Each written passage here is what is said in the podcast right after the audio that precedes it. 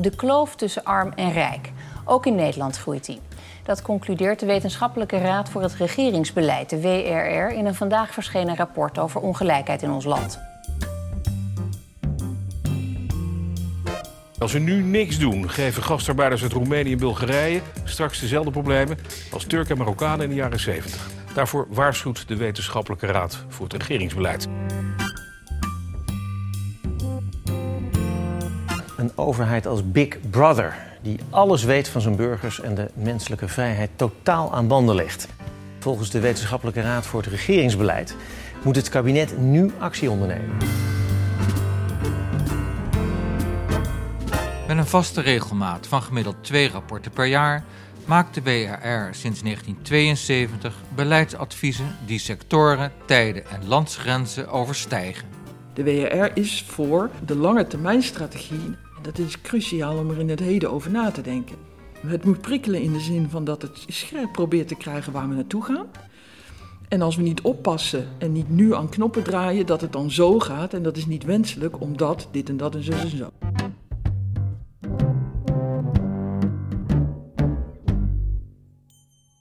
De podcastserie Vogelvlucht van de WRR geeft een schets van het werk van de Wetenschappelijke Raad voor het Regeringsbeleid.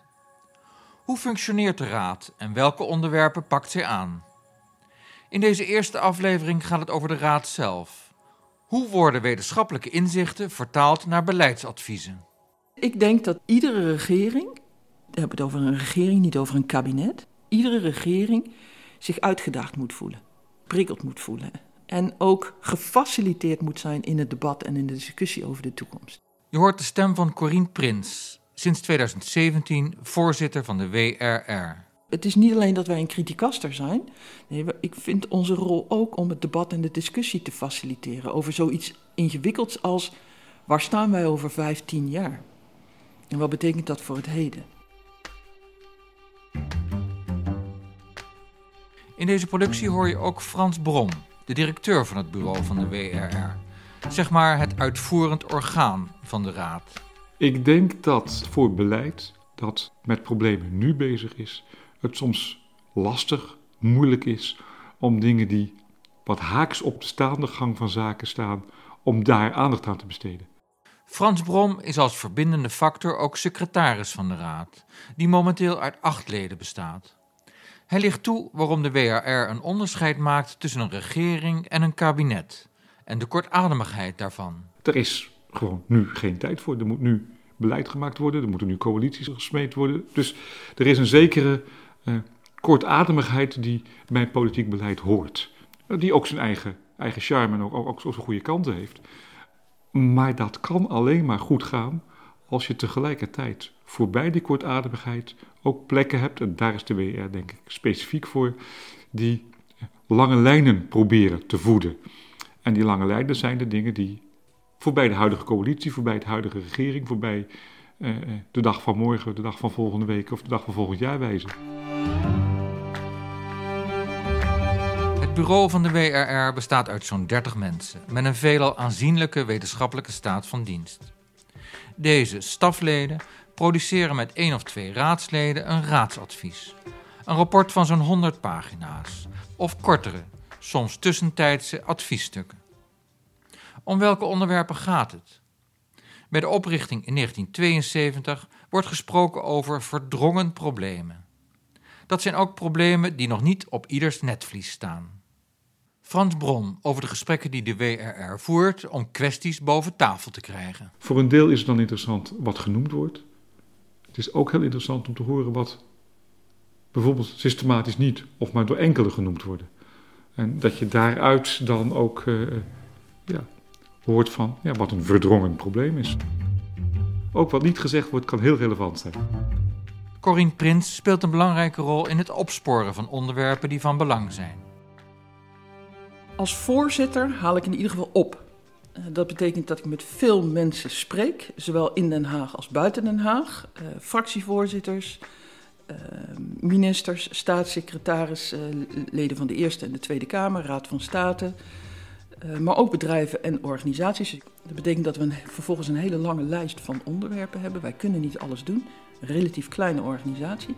En dan kijken we naar wat is onze opdracht, wat is onze taakstelling. Nou, de WER heeft als taak te adviseren voor de volle breedte van het regeringsbeleid. En dat betekent dat in de keuze van onze onderwerpen wij de variëteit binnen dat regeringsbeleid ook moeten hanteren. Dat betekent niet alleen maar economische onderwerpen, financieel-economisch, maar ook sociaal-maatschappelijke onderwerpen.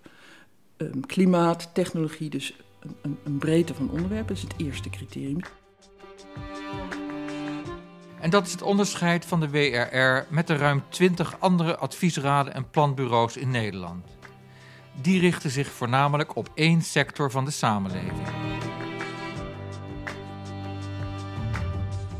Tweede criterium is, wij zijn van lange termijn beleid, lange termijn regeringsbeleid.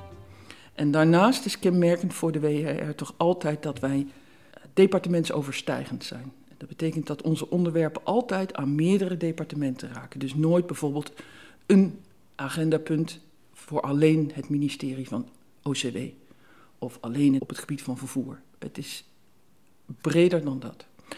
En misschien als laatste, typerend voor, voor um, de, de, onderwerpen die op onze agenda staan, is wij zijn van de richting en niet zozeer van de inrichting. Dus wij adviseren over de richting van het regeringsbeleid. En de uiteindelijke inrichting, dus de concrete beleidskeuzes die dan worden gemaakt, dat is aan de politiek, dat is aan een departement, maar niet aan de WR.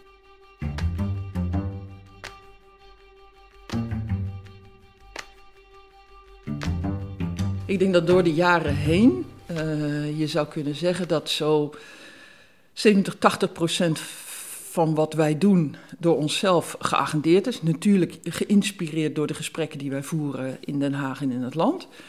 En 20, 30 procent is uh, naar aanleiding van een concreet verzoek van het kabinet. Behalve Corine Prins als voorzitter spelen alle raadsleden en stafleden ook een belangrijke rol bij het aandragen van mogelijke onderwerpen. En laten we niet vergeten dat de Raad ook de lange lijnen in de gaten houdt. Wat verandert er bijvoorbeeld op een gebied waar eerder over is geschreven? Projecten hebben een zekere opvolging. Dat je eerder iets eh, gedaan hebt en dat je daarop doorgaat. Dus we hebben bijvoorbeeld in 2003 een rapport over eh, slagvaardigheid in de Europese Unie geschreven. In 2007 Europa in Nederland. Nou, en in 2018 hebben we daar een nieuw rapport Europese variaties aan toegevoegd. Dus dat zijn drie rapporten waarbij uh, ja, de vorige rapporten mede aanleiding vormen om nog eens opnieuw te gaan kijken. Wat verandert er in Europa? Wat gaan we naar kijken? Een tweede stap in het proces van de WRR is het agenderen. Waar gaat de Raad concreet mee aan de slag? Wat gebeurt er met de lange lijst van potentiële onderwerpen die wordt samengesteld? Op die lange lijst gaan we één, twee, drie keer in raadstaf, soms gezamenlijk raadstaf, rond tafel zitten. Eh, stickertjes plakken over welk onderwerp we belangrijk vinden. Eh, daarover nadenken. Vervolgens worden er A4'tjes geschreven over een aantal van de onderwerpen, eh, zodat mensen een eerste verkenning maken. En op basis, dat zijn er ook altijd nog veel te veel, en op basis daarvan wordt er ook echt even gekeken van, ja, is dit wat? Dan brengen mensen naar voren waarom ze denken dat het belangrijk is, en anderen roepen van, nou, ik denk dat een ander onderwerp toch belangrijker is. En dat wordt ook weer, ja, een soort tentatieve stemming gehouden, waarbij je kijkt van, wat heeft draagvlak, wat, waar zijn veel mensen het mee eens en wat niet. Uh, wat, wat, ja, wat maakt mensen warm? Omdat je dan ook echt een dagdeel met z'n allen praat. En je praat niet alleen over de onderwerpen, maar ter voorbereiding kijken ook wat doen anderen wordt een overzicht gemaakt van wat er op de agenda's van het planbureau staat. wordt een overzicht gemaakt wat op de agenda's van de andere adviesraden staat. Er wordt gekeken naar wat buitenlandse instellingen op de agenda hebben. Dus je, hebt, je probeert echt te scannen van wat er allemaal aan, aan mogelijke onderwerpen zijn. En dan uiteindelijk beslist de raad in vergadering van we gaan die en die uitwerken. En dan begint het proces van, uh, van agendering. Ik ben verantwoordelijk voor een evenwichtige agenda met het oog op de criteria die ik zojuist noemde. Um, uh, ik ben ook verantwoordelijk voor het feit dat de verschillende departementen, de regering, zich ook gehoord voelen in de agendering van de WR. Wij zijn onafhankelijk, maar wij krijgen met een zekere regelmaat het verzoek vanuit het kabinet om een bepaald onderwerp te agenderen. eigenlijk sowieso kunnen wij niet zeggen, ja, we zijn onafhankelijk en we bedenken zelf wel welk onderwerp we nemen. Nee, wij hebben ook met elkaar een discussie te voeren intern en die leid ik dan. Um, een discussie te voeren over de vraag, pakken wij deze adviesaanvraag op? Ja dan nee. En waarom pakken we hem wel op en waarom pakken we hem niet op? We zullen dat antwoord inhoudelijk gemotiveerd moeten geven. Frans Brom zei het al. De WRR pleegt ook overleg met adviesraden in binnen- en buitenland. Werk aan de winkel voor Corine Prins. Ja, wij hebben veel contact als WRR met de andere adviesraden. Wij zijn ook voorzitter van het voorzittersoverleg van de verschillende adviesraden. Dat is één. Uh, daarnaast uh, zijn de directeuren van de planbureaus zijn onze adviserende leden. Dus langs die lijn hebben wij contact met de planbureaus. En uh, de WRR is zelf geen rekenaar. wij wij produceren geen getallen, cijfers en inzichten in die zin die halen wij bij de planbureaus um, of bij het RIVM. En dat betekent dat wij ook met de planbureaus en bijvoorbeeld het RIVM nauw samenwerken. In de zin dat wij van elkaars expertise gebruik maken. Wat staat er zoal op de agenda van het overleg met alle adviesraden dat elk half jaar plaatsvindt? Uh, nou, bijvoorbeeld heel concreet. Uh, wij hebben de adviesaanvraag van het kabinet gekregen om na te denken over kunstmatige intelligentie en publieke waarden. De thematiek van kunstmatige intelligentie staat op de agenda van een aantal adviesraden. Bijvoorbeeld de Onderwijsraad denkt na over de inzet van um, kunstmatige intelligentie in het hoger onderwijs. De AWTI denkt na over het sturen op wetenschapsbeleid op het terrein van kunstmatige intelligentie. Dus wat er dan concreet op de agenda staat, is een inhoudelijke discussie. Dus niet zozeer even bijpraten van waar sta jij en waar sta jij, want dat kunnen we wel schriftelijk of digitaal doen. Hè? Nee, het wordt echt een inhoudelijke discussie van hoe zie jij AI? Hoe speelt dat precies bij jullie? Heb jij uh, goede voorbeelden van ontwikkelingen in jou, uh, op jouw terrein, bijvoorbeeld het terrein van onderwijs? Um, inzet van AI, die wij weer kunnen benutten als illustratie in ons rapport. Uh, waar zie jij dat als het gaat over de meer normatieve en ethische uitdaging die kunstmatige intelligentie met zich meebrengt? Uh, is het wel transparant genoeg hoe zo'n systeem redeneert? Hoe gaan jullie daar in jullie advisering mee om en, en hoe gaan wij daarmee om? De Adviesraad voor Internationale Vraagstukken, de AIV, heeft een rapport gepresenteerd over zogenaamde killer drones. Dat zijn drones die medewerken op basis van kunstmatige intelligentie in oorlogsvoering. Nou, dat is natuurlijk voor een meer algemeen rapport over kunstmatige intelligentie en publieke waarden waar wij aan werken heel relevant.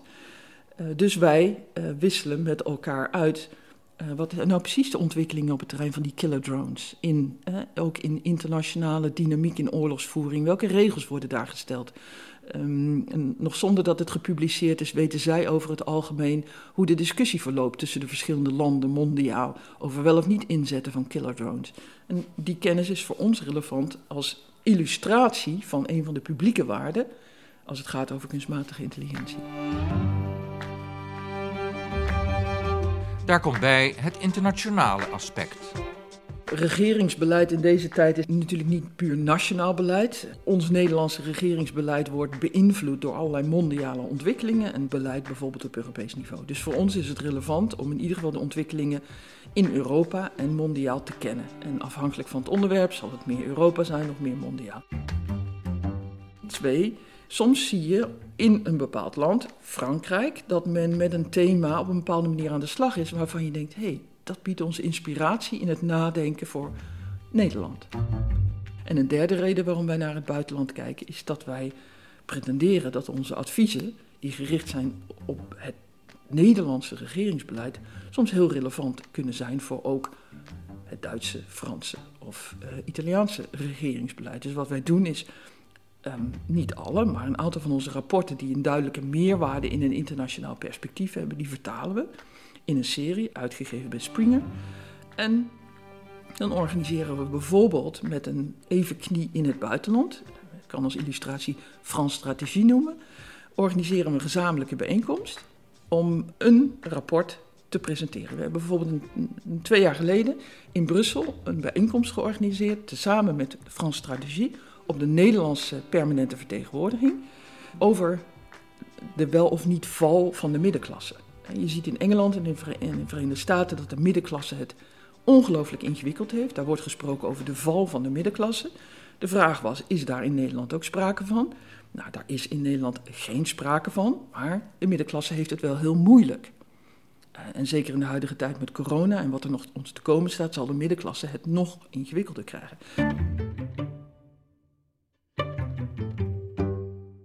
Frans Brom haalt het rapport De publieke kern van het internet aan, als voorbeeld van internationale vertakkingen. In dat rapport hebben we eigenlijk gezegd van ja, dat internet is nieuw op een bepaalde manier, is een infrastructuur aan het worden die voor alles en iedereen van belang is, maar die helemaal gereguleerd en geregeld wordt door particuliere stichtingen en initiatieven. En waar langzamerhand statelijke spelers, met name in het buitenland, eh, zich steeds meer op tegenaan beginnen te moeien. Welke positie moet Nederland nu in dat internationale veld van het nadenken over, over dat internet gaan innemen?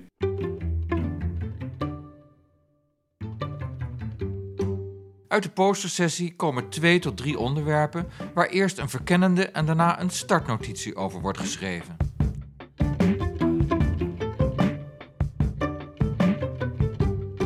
En dan aan de slag. Wat gebeurt er?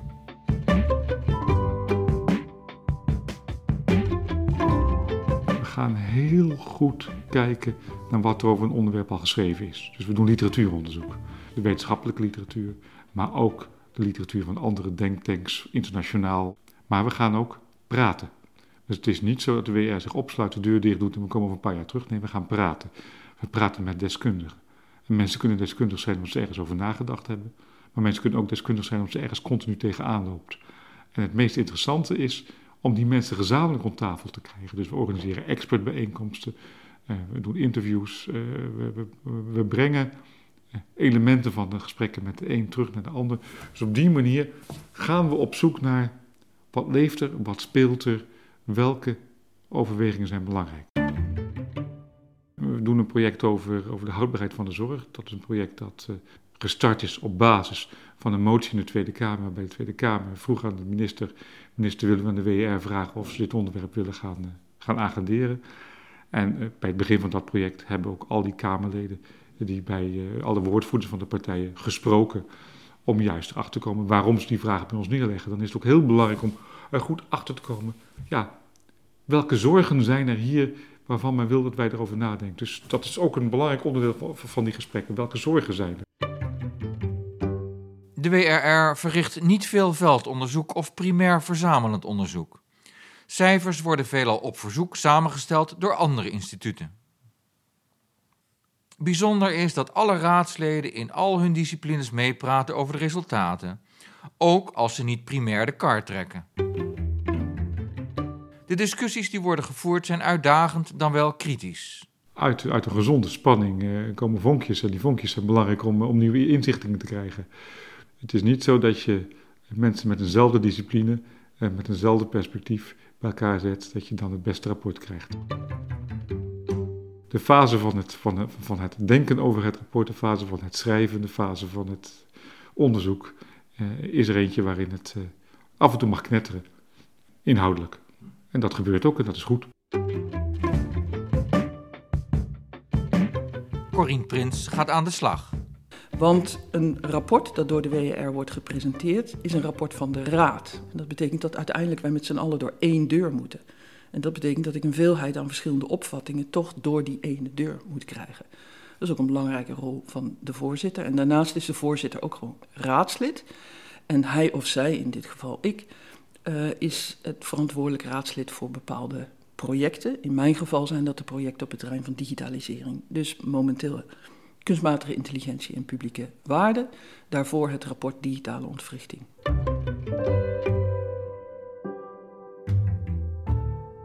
Hoe bewaakt de WRR de kwaliteit van zijn onderzoek en zijn functioneren? Iedere vijf jaar wordt de WR extern geëvalueerd. Iedere vijf jaar verzoeken wij een commissie van onafhankelijke deskundigen om ons uh, publiekelijk te evalueren. Dus de evaluatierapporten staan ook op het internet, staan ook op de website. Uh, dan beginnen we met eerst een zelfstudie te schrijven, waarin we beschrijven hoe we de afgelopen periode gewerkt hebben. Wat we als resultaten zien, wat we als positief zien en wat we als negatief zien. En dan uh, is er een commissie die praat met ons, maar praat ook met de doelgroepen. En schrijft dan een advies waar wij dan de volgende vijf jaar bij ons voordeel kunnen doen. Het meest recente advies was: zorg ervoor dat je je communicatie versterkt, dat je ook tijdens de projecten publiekelijk meer communiceert over waar je staat. Niet alleen wachten tot, tot iets klaar is. Dat is één. En twee, ga door op die weg die ingeslagen bent met, met filmpjes, met een beeldende ondersteuning van je rapporten. Nou, daar zijn we nu ook expliciet mee verder gegaan. Dus die evaluaties zijn belangrijk ook. Frans Brom noemde ze al, de doelgroepen. Wat zijn de doelgroepen van de WRR? En hebben die te maken met de ligging van het pand van de WRR?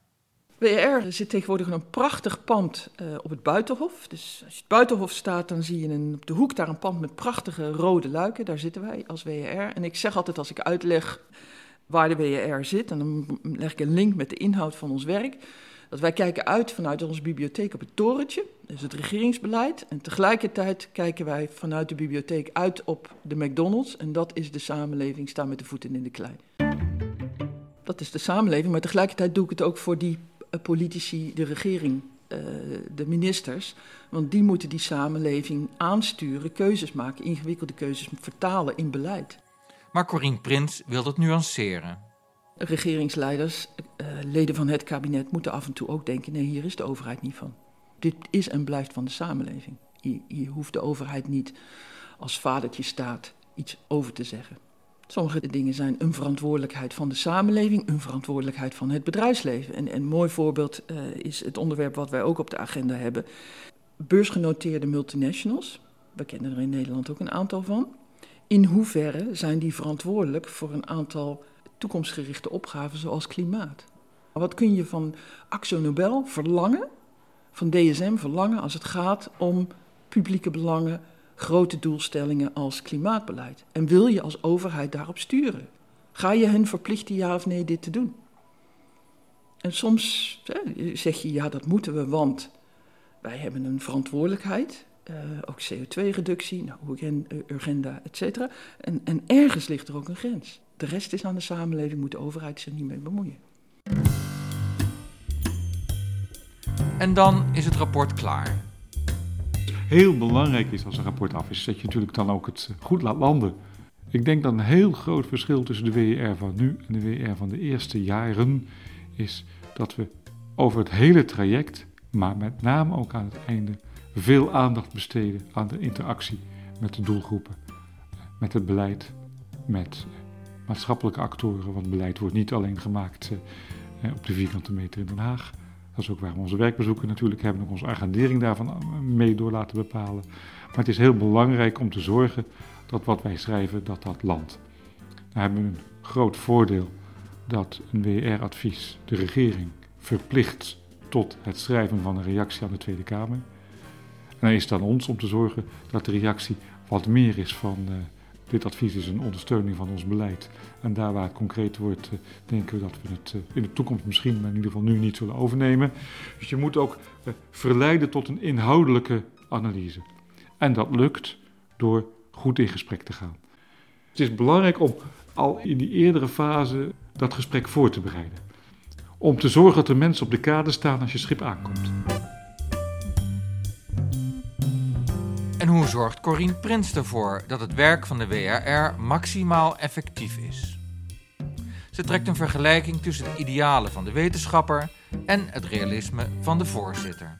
De wetenschapper Corine Prins, die nadenkt over privacy met digitalisering, die zegt tien verschillende dingen over hoe je naar privacy kunt kijken met het oog op internet en Facebook en, en, en, en al die ontwikkelingen. Pieter Winsemius, uh, raadslid bij de WR, toen ik ook raadslid was, zei tegen mij: Corine, tien adviezen gaan er niet in aan de overkant van de Hofvijver. Vijf belanden er in de Hofvijver. Dus welke vijf wil je aan de overkant krijgen? Dus advisering op het snijvlak van wetenschap en beleid is niet uitputtend zijn in alles wat je maar kunt bedenken en naar de overkant brengen. Nee, het gaat om de vijf belangrijke. Wat zijn nou de vijf belangrijkste adviezen die je de overkant, de overkant van de Hofvijver, kunt meegeven? En die vijf presenteer je en de rest, dat komt nog wel eens een keer. In deze podcast is het woord corona slechts één keer zijdelings gevallen. Maar medio mei is de coronacrisis juist voor de WRR een onderwerp waar diep over wordt nagedacht en gesproken.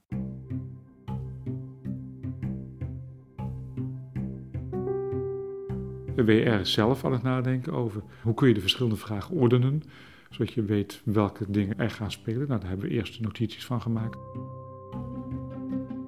We participeren in een denktank onder leiding van de SER, waar uh, aan de raadsleden van de WR vanuit de WR deelnemen en ook terugkoppelen, zodat je ook uh, gezamenlijk als denkinstellingen daarover nadenkt.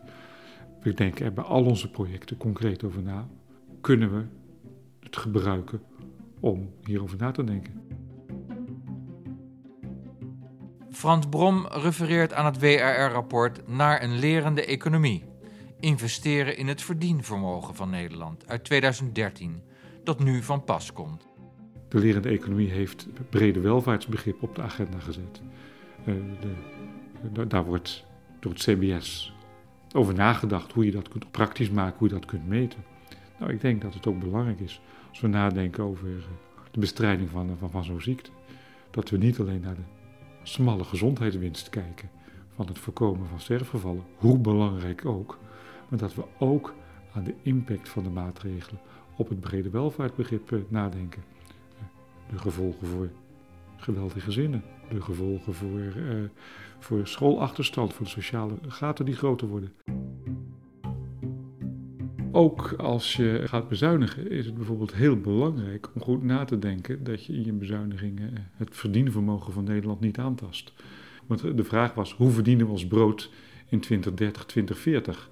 En dat is dus belangrijk om dus bij je, ook bij bezuinigingen na te denken over eh, hoe zorgen we dat we een goede functionerende economie hebben. En ons rapport over uh, de arbeidsmarkt, uh, over arbeid, over de verschillende manieren van grip op werk is heel belangrijk. Juist omdat dat rapport waarschuwt voor de kwetsbaarheid van de ZZP'er in ons land. Nou ja, die zien we dus nu. En het is dus heel belangrijk om te zien dat als eh, we nu de ZZP'er financieel gaan ondersteunen, of in ieder geval als overheid daar verantwoordelijkheid voor nemen in de coronacrisis, dat dat natuurlijk een, een blijvend nadenken betekent over wat dat voor die positionering betekent. Hoe zorg je dat op plekken eh, buffers worden ingebouwd. Het is niet zo dat we uh, alleen maar rapporten schrijven voor het mooie weer. Juist bij slecht weer, juist bij de bezuinigingen die, die, die misschien aan zitten te komen als gevolg van het vele geld dat we corona uitgeven, juist bij het nadenken over infrastructuur, juist bij het nadenken over duurzaamheid, is het belangrijk om die kennis mee te nemen. Alleen hebben wij daar niet morgen een persbericht, zo zit het. Want ja, zo werken wij niet. Zo, zo moeten wij ook niet werken, maar daar, daar zijn we wel heel hard uh, over aan het nadenken.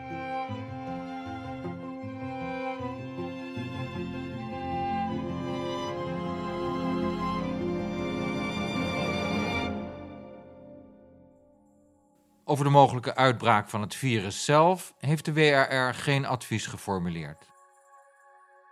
We hebben wel geadviseerd over crisis en de omgang met crisis. Even als concrete illustratie van vorig jaar, digitale ontwrichting.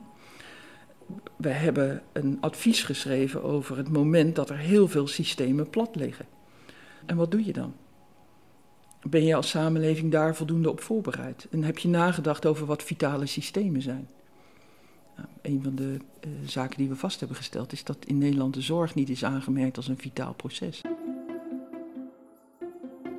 Maar de WRR zal nooit zeggen: zie je nou wel?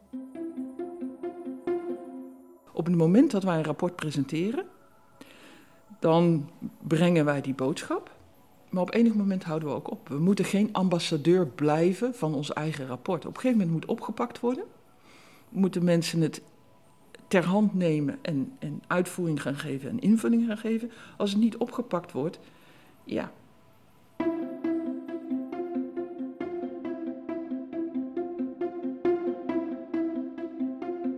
Ik denk dat iedere samenleving één keer in de zoveel tijd geconfronteerd wordt met situaties als deze. En de ene, zoals deze corona, is, is, is mega, maar er zijn 9-11 heeft een enorme impact gehad op onze samenleving, mondiaal, nog steeds. Als je kijkt naar het instrumentarium op Schiphol, als we met een bodyscan gaan, dat is allemaal van na dat moment.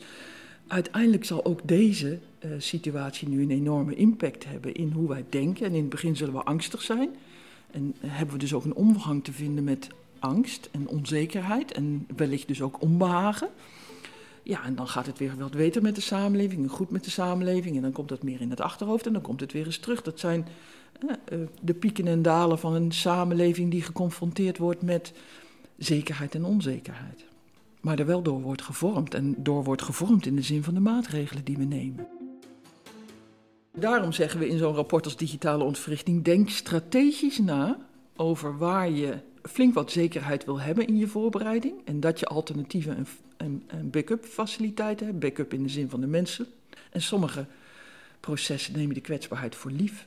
Omdat het andere belang, bijvoorbeeld een financieel-economisch belang, wat meer weegt. Voor mij mogen dingen best gebeuren en laten gebeuren, maar laat het dan in ieder geval een welbewuste keuze zijn om het te laten gebeuren. En niet dat je denkt, oh ja, dat hadden we ook nog.